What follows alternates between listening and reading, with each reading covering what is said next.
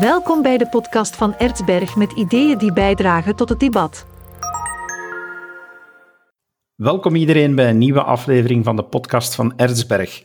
Mijn gasten vandaag zijn Harry de Pape en Erik de Keersmaker. En ik hoop terwijl dat zij hier te gast zijn, dat ik niet enkele rare fenomenen in de studio begin waar te nemen, want ze hebben een boek geschreven over geesten en spoken in Groot-Brittannië. En ik hoop echt dat ze daar blijven en hier niet de microfoon gaan kapen. Welkom heren. Hallo, dag David. Goedenavond. Geesten, spoken, Groot-Brittannië. Ja, uh, Oké, ik kan me daar wel iets bij voorstellen. Groot-Brittannië, een, een land vol met kastelen en dergelijke. Maar waarom voor jullie de keuze om geest en spook te gaan combineren met Groot-Brittannië? Uh, Harry, bij jou vermoed ik, ja, ik ken jou inmiddels al wel wat. Groot-Brittannië is natuurlijk bij jou sowieso al een liefde. Dat is het, hè. het is een, een liefde voor Groot-Brittannië die mij bij de spoken brengt en niet omgekeerd. Het zijn niet de spoken die mij Groot bij, bij Groot-Brittannië brengen. Nu sowieso wie iets of wat anglofiel is, en denk dat Erik dat volmondig zal kunnen bevestigen, die komt sowieso in contact met spookverhalen in het Verenigd Koninkrijk. Sowieso. Dus dat is een deel van die cultuur daar. Ja, Erik, jij, jij hebt ook echt wel een voorliefde voor Groot-Brittannië. Ja, ik heb in de jaren 90, ik ben eigenlijk beginnen op bezoek gaan eind jaren 80 en dan in de jaren 90 heb ik twee reisgidsen geschreven, eentje voor Kent en eentje voor Sussex. En het was eigenlijk bij het samenstellen van die, van die reisgidsen, ik was op zoek naar goede verhalen om die reisgidsen wel luchtiger te maken. En dan kwam je eigenlijk echt automatisch terecht bij spookverhalen, waarvan er gewoon heel veel, heel veel waren. En de meeste zijn ook echt goede verhalen, dus die pasten dan perfect in die gidsen. En dan was mijn interesse gewekt. En waar dat je kader staat in, in Engeland, kom je ze altijd weer terug tegen. Ik was vroeger ook nogal een serieuze liefhebber van de Engelse pub. Ik ben er nog altijd eigenlijk, eh, maar toen was ik er veel actiever in. En ja, in de pubcultuur zit het ook in. En er is niks leuker dan aan de, de toog van een Engelse pub, uh, zeker als het buiten slecht weer is, uh, een spookverhaal te lanceren en er dan een paar terug te krijgen. Dat lukt meestal en dat is altijd heel, ja, heel gezellig. Huiveringwekkend gezellig, zou ik zeggen. En hoe zijn jullie elkaar dan tegengekomen? In Engeland? Nee, nee, dat is eigenlijk heel toevallig. Uh, ik was geïnviteerd voor een bijeenkomst van de Drones Club of Belgium. En wat is dat dan precies? Dat is uh, een bijeenkomst van ja, anglofielen, zal ik maar zeggen, die uh, een voorliefde hebben voor de verhalen van P.G. Woodhouse, een op- en top Brits schrijver komische boeken. Uh, ik raad iedereen aan om die te lezen. Die zijn echt zeer leuk om te lezen. En daar op die uh, bijeenkomst, al tijdens het aperitief, kwam ik aan de klap met Erik. We zijn beginnen praten met elkaar. En ik denk dat uh, de laatste minuut van de avond nog met elkaar aan het praten waren. Een hele avond lang hebben we elkaar geëntertained met onze voorliefde voor Engeland. En in een van die gesprekken van die avond uh, kwam er een verhaal aan bod, waarbij Erik iets vertelde over een collega en een spookverhaal. En dat heeft me wat getriggerd. Ik heb toevallig, kort, kort na die ontmoeting, uh, had ik een ontmoeting met onze uitgever, uh, met Karel Drabbe. En tijdens een wandeling. en in die wandeling vertel ik aan Karel dat ik Erik had leren kennen. Dat hij een heel leuk spookverhaal had. Waarop Karel, en wie Karel kent, zal niet verbaasd zijn, meteen tegen mij zei: maar daar zit een boek in. en toen heb ik contact genomen met Erik en uh, effectief, er is een boek uitgekomen. Erik, je zei al, uh, je kan niet in, in Engeland uh, zijn of niet over Engeland schrijven zonder spoken tegen te komen. waarom is dat zo'n evidentie? Is, is dat nu echt, komt dat daar zoveel meer voor dan in andere landen, denk je? Wel, het is eigenlijk een, van de, een van de onderwerpen van het boek.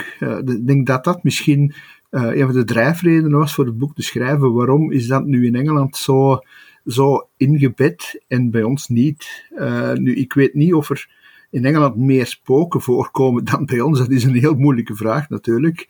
Maar het is zeker zo dat de Engelsen er heel graag over spreken. En dat is wel een heel groot verschil met het vasteland. Uh, als we hier mensen zien die zoiets zouden gezien hebben, die zwijgen daarover. De Engelsen zijn daar bijna een beetje trots op. Een, een oude pub zonder spook of een, of een, uh, een familiekasteel zonder spook, dat is niet helemaal volledig.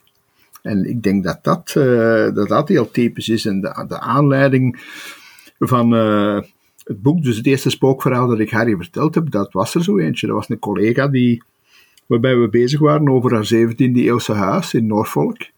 En over de, de lange verplaatsing naar Londen. En dan vroegen we, kijk, van, ja, is dat wel de moeite? Ja, ik woon daar graag.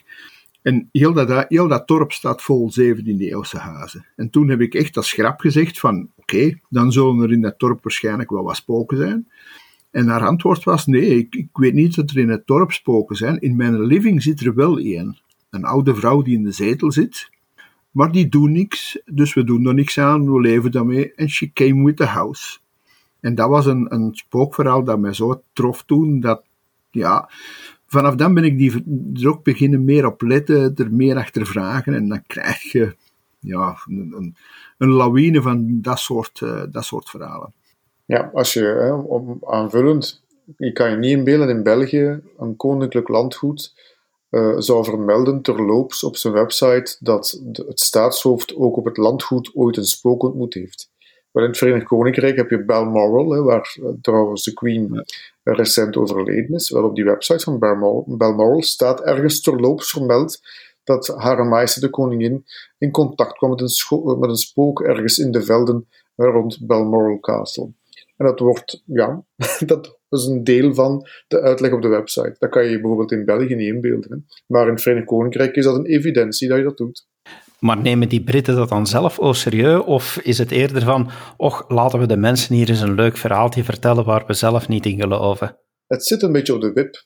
Uh, Ik bedoel daarmee, je hebt duidelijk echt wel mensen en echt wel verhalen waar, ja, waar uh, ernst wordt aangehangen. Hè? Dat het niet als grap bedoeld is. Maar je voelt ook wel bij sommige verhalen dat er een monkellach rond zit. Hè? Dat er wel zoiets is van, ja, misschien is het wel niet waar. Maar er zijn echt wel verhalen waar, waar geloof aan gehecht wordt. Ja, ze ja, maken Erik, een beetje onderscheid. In die zin, ja, zeg maar. Ja, ze maken zo'n beetje onderscheid tussen het, uh, het verhaal voor de toeristen en het verhaal voor zichzelf. En dat is iets dat je vaak tegenkomt, dan, dan, je hebt dan gehoord dat er een, een spook is, staat in de gids, en dan vraag je erachter, en dan zeggen die van, nee, nee, dat is een spook voor de toeristen, dat is helemaal niet waar, we hebben dat nog nooit gezien.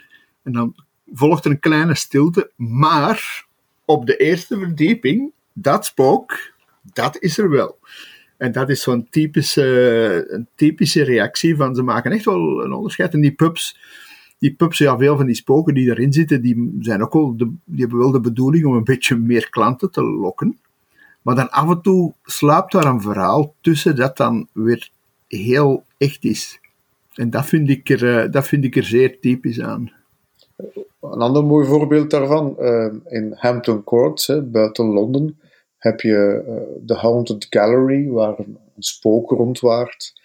Um, en het goed, hè, dat wordt dan verteld en je voelt ook wel ergens dat er misschien wel, uh, dat, dat wel voor toeristen bedoeld is. Maar dan krijg je het verhaal van de naburige NHS, dus verpleegpost.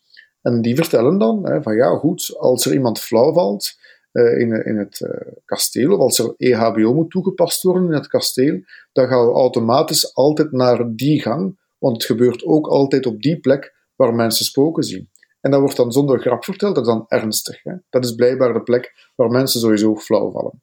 Dus dan stel je de vraag, is dat nu omwille van dat spook? Is dat nu omwille van een sfeer die erop geroepen wordt? Maar daar krijg je niet geen duidelijk antwoord op het blijft wel ook speciaal als, als je die boek leest, uh, vind ik zelf. Ik herinner me daar onder andere het verhaal in van, uh, ik geloof dat het een leerjongen was van een loodgieter, die in een kelder Romeinen ziet, uh, naar boven loopt en daar iemand tegen het lijf loopt en zonder een woord te zeggen, maar wel weliswaar waarschijnlijk lijkbleek en dat die, dat die persoon zonder meer zegt van, ah, je hebt de Romeinen gezien. dan, dan heb je zoiets van, ja, als dit waar is, dan. Ja, dat zet u toch even aan het denken als je zulke verhalen hoort, neem ik aan. Ja, dat is ook eens de evidentie waar, waarmee er over gesproken wordt. Hè. Uh, je hebt zoveel van die verhalen. Hè. Ja, ik dacht dat Erik iets ging zeggen, vandaar dat ik stil viel. Ja. Nee, nee, nee ik, ik, heb het, ik heb het zelf uh, meegemaakt in, in uh, New Haven Fort. Daar heb ik het zelf meegemaakt. Ik had daar iets heel vreemds ervaren in een corridor die naar beneden loopt, naar de, de caponnières, dus die aan de voet van het fort liggen. En ik had er halverwege een heel vreemd ding meegemaakt dat mij toen, ja, heel angstaanjagend was eigenlijk. En bij het bovenkomen vroeg ik aan die dame van, ja, is er iets in het fort? En die zei, ah, zet je misschien die gang naar beneden gegaan en heb je het gezien halverwege? Ik zeg, ja, inderdaad, ik heb daar iets gezien. En dan zei ze, ja, ik ook. Het staat in geen enkele gids, want we zijn ook niet zeker, we weten niet wie het is uh, of wat het is. Maar mijn hond weigert er voorbij te gaan, die heeft daar schrik, die zou bijten als ik hem voorbij probeer te trekken. En ik voel me elke keer als ik er voorbij kom, als ik het kasteel check, uh, om vijf uur als het sluitingsuur is, voel ik me daar niet op mijn gemak. En deze winter komt er een groepje ghost hunters om te kijken of er echt iets is. En nu we het over die ghost hunters hebben, ja, nu we het over die Ghost Hunters hebben, daar hebben jullie ook over geschreven. Um, dat, eh, dat is voor sommige mensen echt wel niet alleen een hobby, maar, maar een passie in, in Groot-Brittannië. Ja, ja je, hebt heel veel Ghost Hunter clubs. Hè? Dus dat is net zoals je hier wandelclubs hebt en wielrennersclubs, heb je daar over heel het koninkrijk verspreid mensen die als vrije tijdsbesteding op spookjacht gaan. Hè? En de oudste club, daar zijn Erik en ik lid van, is de Ghost Club of London. Uh, sinds 1862 eh, bestaat die. En daar zijn eminente leden van geweest. Onder andere Charles Dickens was ooit lid van die Ghost Club. Sir Arthur Conan Doyle, de schrijver van Sherlock Holmes verhalen, was er lid van, maar ook verschillende leden van het Hogerhuis, familieleden van, van premiers enzovoort en zo verder. En wij twee ook. uh, maar dat is dus, we zijn, dus, nou, we zijn naar zo'n bijeenkomst geweest in Londen. Uh, en dat is ja toch wel iets bijzonders om bij te wonen. En je merkt ook, het profiel van die mensen is heel divers. Het gaat van mensen met een hoge opleiding tot mensen met weinig opleiding. Uh, mensen van de hogere klasse tot de lagere klasse, allemaal door elkaar.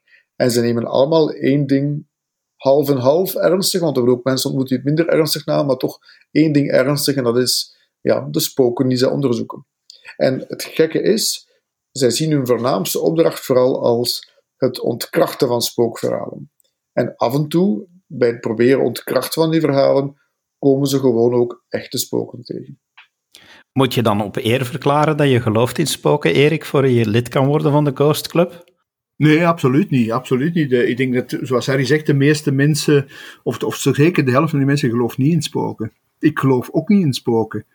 Maar dat neemt niet weg dat ik al twee keer eh, dingen gezien heb die wel een spook zouden kunnen zijn. Uh, maar waarschijnlijk, mocht dan nu een ghost club op afgaan, gaat hij daar andere dingen vinden die maken dat ik op die plaats iets heb gezien dat spookachtig leek. Uh, ik denk dat dat een, uh, een, een heel typisch ding ervoor is. Ja, Harry, Erik heeft nu eigenlijk al geantwoord op, op mijn vraag die ik ook wilde stellen, van geloven jullie in spoken? Van, hoe zit het voor jou? Nee, ik ben geen believer, maar, en ehm, ik, ik beschrijf het ook in het boek, ik vind, wat ik wel heb, is wat de, de ravenmeester van de Tower of London. Dus in, de Tower of London heb je de ravenmeester, die de raven van zijn majesteit de koning bijhoudt hè, eh, in de Tower. En die heeft ook al enkele dingen meegemaakt. Ehm, maar zegt hij, net zoals Erik, ik ben geen believer. En zijn stelling die hij dan uitlegt, daar sta ik wel achter. Hij zegt, kijk, er zijn nu eenmaal dingen die mensen kunnen ervaren, die niet altijd verklaard kunnen worden. Ja. En uh, wellicht ervaren die mensen dat ook oprecht. Maar of dat nu een spook is, ja of nee, dat is niet duidelijk. En waarom sta ik achter die stelling van die ravenmeester? Omdat ook wetenschappelijk onderzoek aantoont dat onze zintuigen regelmatig met ons, ja, met ons, ons voor de gek houden. Dat we effectief onze zintuigen ervoor zorgen dat we soms dingen ruiken die er niet zijn. Dat is, dat is een, ja, een mechanisme in ons brein dat dat doet. Ja. En daarom denk ik wel dat we als mensen beweren als ze iets gezien hebben, dat ze dat ook oprecht menen. Hè. Naast alle hè, praatjesmakers heb je ook echt wel mensen die dat dus oprecht menen. En je, dat zijn dan de spoken die mensen ervaren, denk ik. Jullie boek zit vol met verhalen. Ik heb ze niet geteld, maar ik vond het een behoorlijke verzameling. Hoe begin je daaraan om, om zulke lijsten samen te stellen, om te gaan, gaan kijken van, oh, waar wordt er hier nu gespookt? Uh, zijn er dan andere spookgidsen waar dat jullie beroep hebben op gedaan? Of zijn jullie beginnen zelf te turven in, in Groot-Brittannië en, en langs te gaan, langs de pubs en kastelen om dat te weten te komen? Um, het is een combinatie van beide. Hè. Uh, je hebt iets wat, wat men gazetteers noemt in Engeland. En dat zijn letterlijk geografische beschrijvingen van waar je overal spoken vindt. Je kan dat als gids meepakken en je kan naar een plek gaan en kijken in dat lijstje, oké, welke spoken zitten hier allemaal. We hebben ook het werk wat verdeeld, Erik en ik, in, in functie van onze interessesfeer. Uh, en zo hebben we gezegd van, kijk, dat domein, dat besla ik, dat domein gaat Erik beslaan. Hè. Um, en dan zijn we met onze resultaten samengekomen hebben we gekeken, goed, uh, hoe ver zitten we?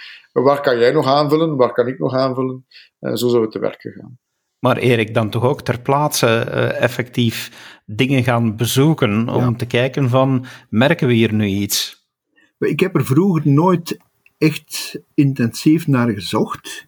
Maar ik, ik reis natuurlijk nu ondertussen al bijna 35 jaar, één of twee keer per jaar naar daar. En ik ben gek op het platteland. Uh, een stad gelijk Londen zegt mij minder iets. Uh, het is vooral countryside waar ik zit.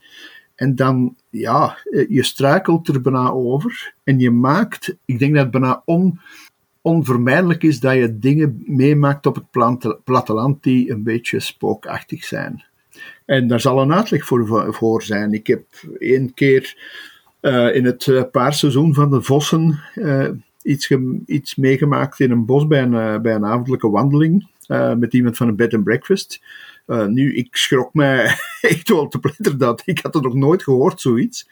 Dat is heel akelig in het donker. En natuurlijk, de, Engeland is ook niet verlicht zoals bij ons. Hè. Hebben, hebben de lichthinder die wij hier hebben, dat kennen zij die op het platteland in Engeland als het donker is, is het donker. En dan hoor je van alles. En dan denk ik dat de fantasie ook wel uh, snel gemaakt is. Uh, maar ja, er zat altijd zoiets iets meer in.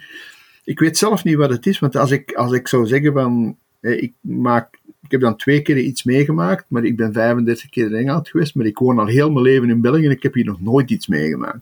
Dus het is iets met dat land ook. En daar vond ik ook wel een, een interessante bronnen die we toch ook hebben gebruikt, waren boeken uh, zoals Ghostland van, van Edward Parnell en A Natural History of Ghosts van Roger Clark. En die boeken zijn bijna antropologisch. Die bekijken echt de Engelsman en zijn liefde voor geesten en van waar komt hij en wat is daar nu zo Brits aan en waarom is dat nu zo typisch voor, voor hun en wat kunnen de oorzaken ervoor zijn. En dat waren zeker in mijn geval belangrijke bronnen voor het boek.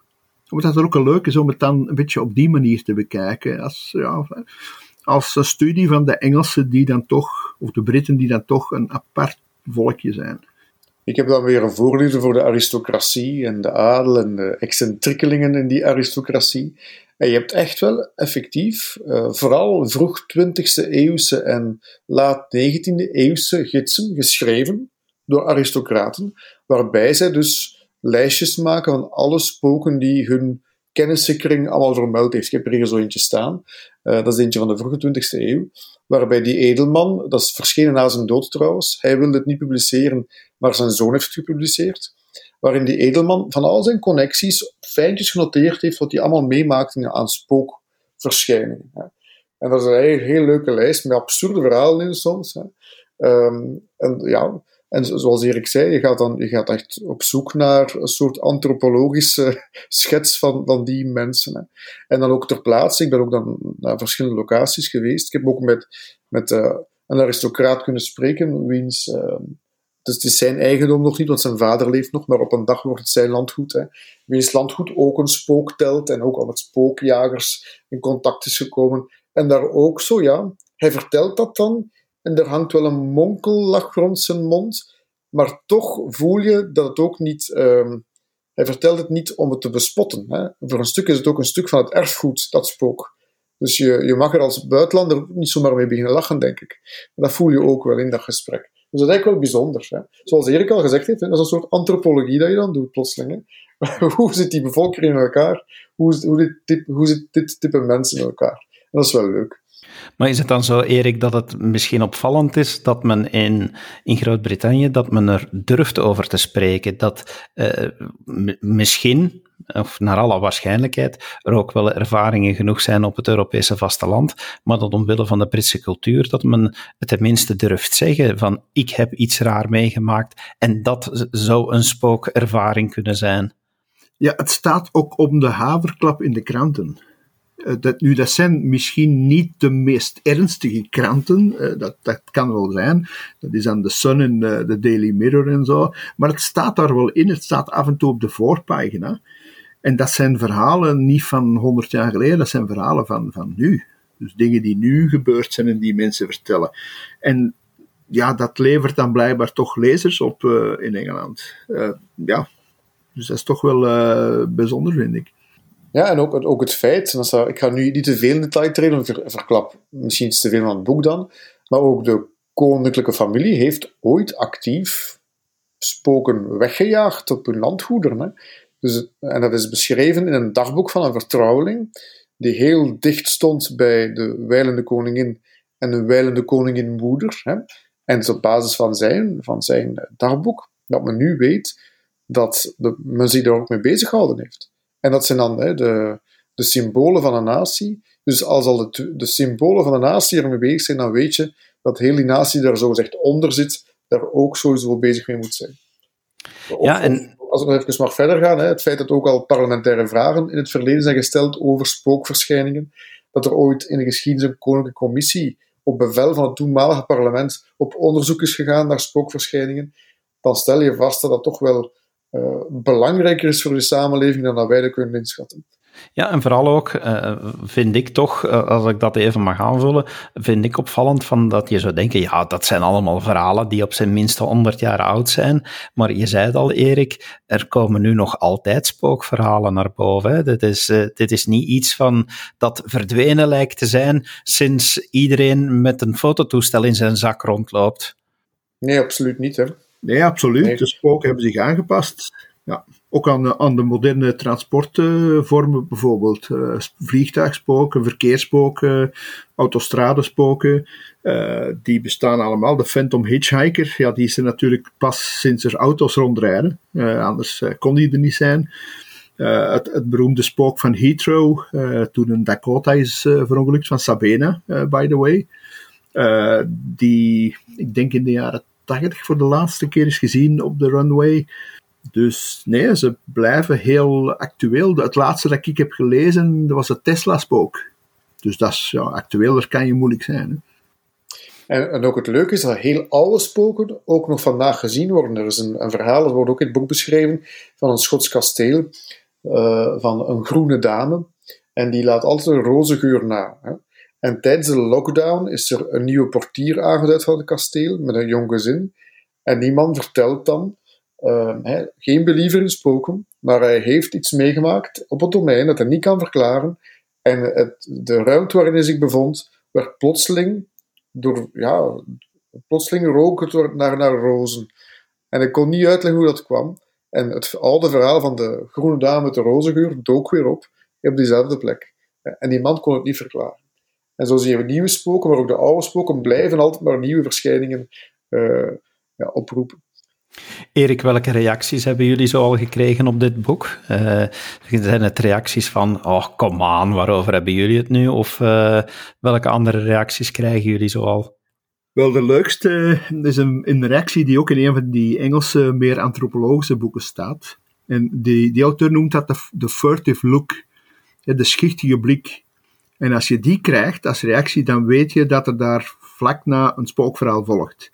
En dat heeft mij wel verrast, dat ook in Vlaanderen, en zelfs in Duitsland, uh, bij wat collega's, dat een aantal mensen na zo'n gesprek uh, bij mij zijn gekomen en hebben gezegd van ja, ik moet u toch iets vertellen. En dan volgt er een spookverhaal dat dan in, in Bertum of in Leuven of in Vlierbeek of in Gent of in, uh, op, de, Silt voor de, de kust in Duitsland zich heeft afgespeeld. En die mensen menen dat heel serieus die zijn heel ernstig daarover. En schamen zich daar dan wel een beetje over. Ik denk dat de Engelsen dan dat verhaal gaan vertellen en dat eigenlijk een leuk verhaal vinden. En de Europeanen zijn dan een klein beetje beschaamd, maar ik krijg die reactie zeer veel. Ik had dat niet verwacht eigenlijk. Ik dacht eigenlijk dat spoken een echt Engels verschijnsel zijn en dat het hier heel weinig voorkwam, maar ik denk dat ik misschien mijn uh, opinie moet herzien daarin. Ik heb een soort gelijke ervaring. Uh, kennissen, uh, zeer nauwe kennissen zelfs, die plotseling vertellen dat er blijkbaar in de kamer waar hun zoontje altijd sliep, dat dat, zoontje dan een, een, oude dame zag. En dat bleek dan de vorige eigenares te zijn die in die kamer gestorven is. En dat, verhaal ben, ik- pas te weten gekomen, dat dat die mensen weten dat ik aan dat boek bezig was. Ja? dus plotseling, en, en zoals Erik zegt, daar hangt een zekere schaamte rond. Hè? Terwijl ik er zeker van ben, mocht ik in, effectief in een Engelse pub of in een Engelse woonkamer zitten, was het verhaal al lang verteld geweest en ook met wellicht een, een, een, vleugje humor bij en men gaat verder met de orde van de dag. En hier voel je daar toch zoiets, een ongemakkelijk gevoel bij, van ja, ik heb toch nog iets te vertellen.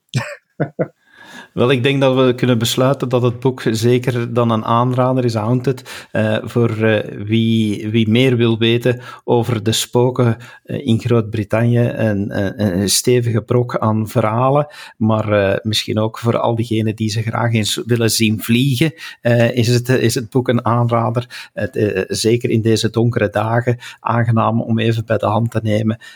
Misschien ergens toch een lekker knisperend haardvuurtje opzoeken om het te lezen. Eh, Erik, Harry, dank jullie wel dat jullie de tijd hebben vrijgemaakt om wat te vertellen over jullie boek.